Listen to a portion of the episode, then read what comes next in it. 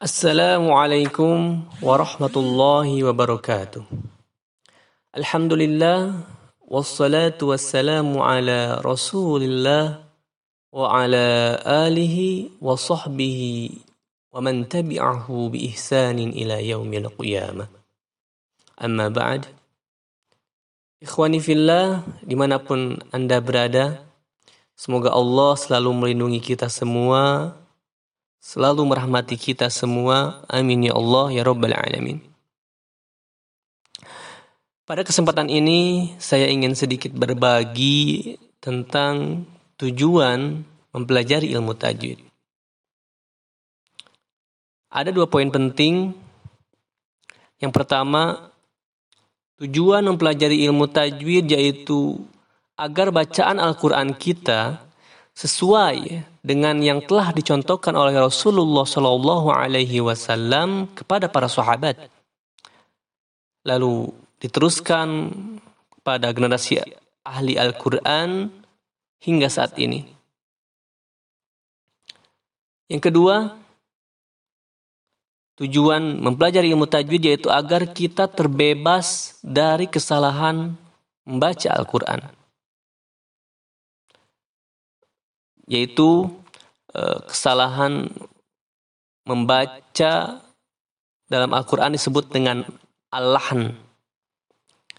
Yang mana Allahan ini terbagi ke dalam dua bagian. Yang pertama ada Allahan jali, yang kedua ada Allahan khofi. Apa itu Allahan jali? Allahan jali itu kesalahan yang fatal, yang mana kesalahan ini eh, dapat merubah arti daripada ayat yang ada dalam Al-Quran.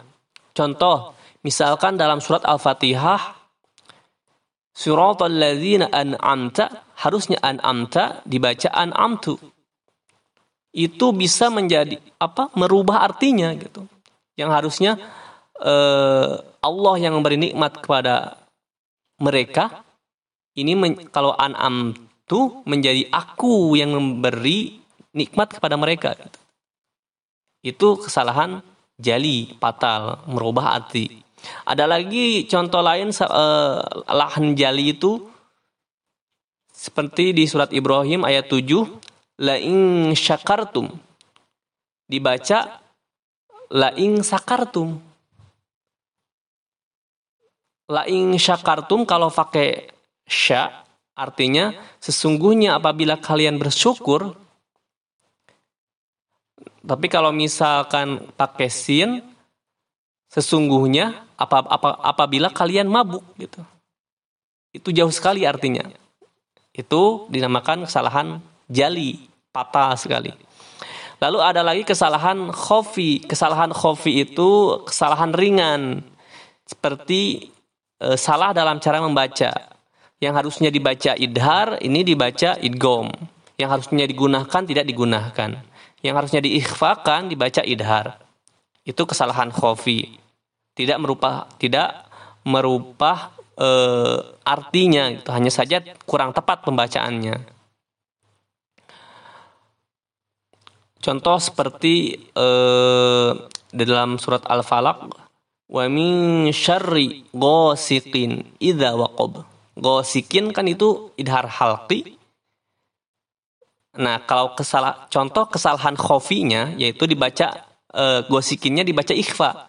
Wa min syarri ghasiqin idza. Nah, itu kesalahan khofi itu. Seharusnya gosikin dibaca gosikin ikhfa. Itu kesalahan khofi. Lalu ada lagi yang harusnya digunakan tidak digunakan misalkan seperti Innalladzina kafaru sawa'un inna Guna musyaddah didengungkan dua harokat. Ini tidak didengungkan. Inna innalladzina ka itu itu kesalahan khofi gitu.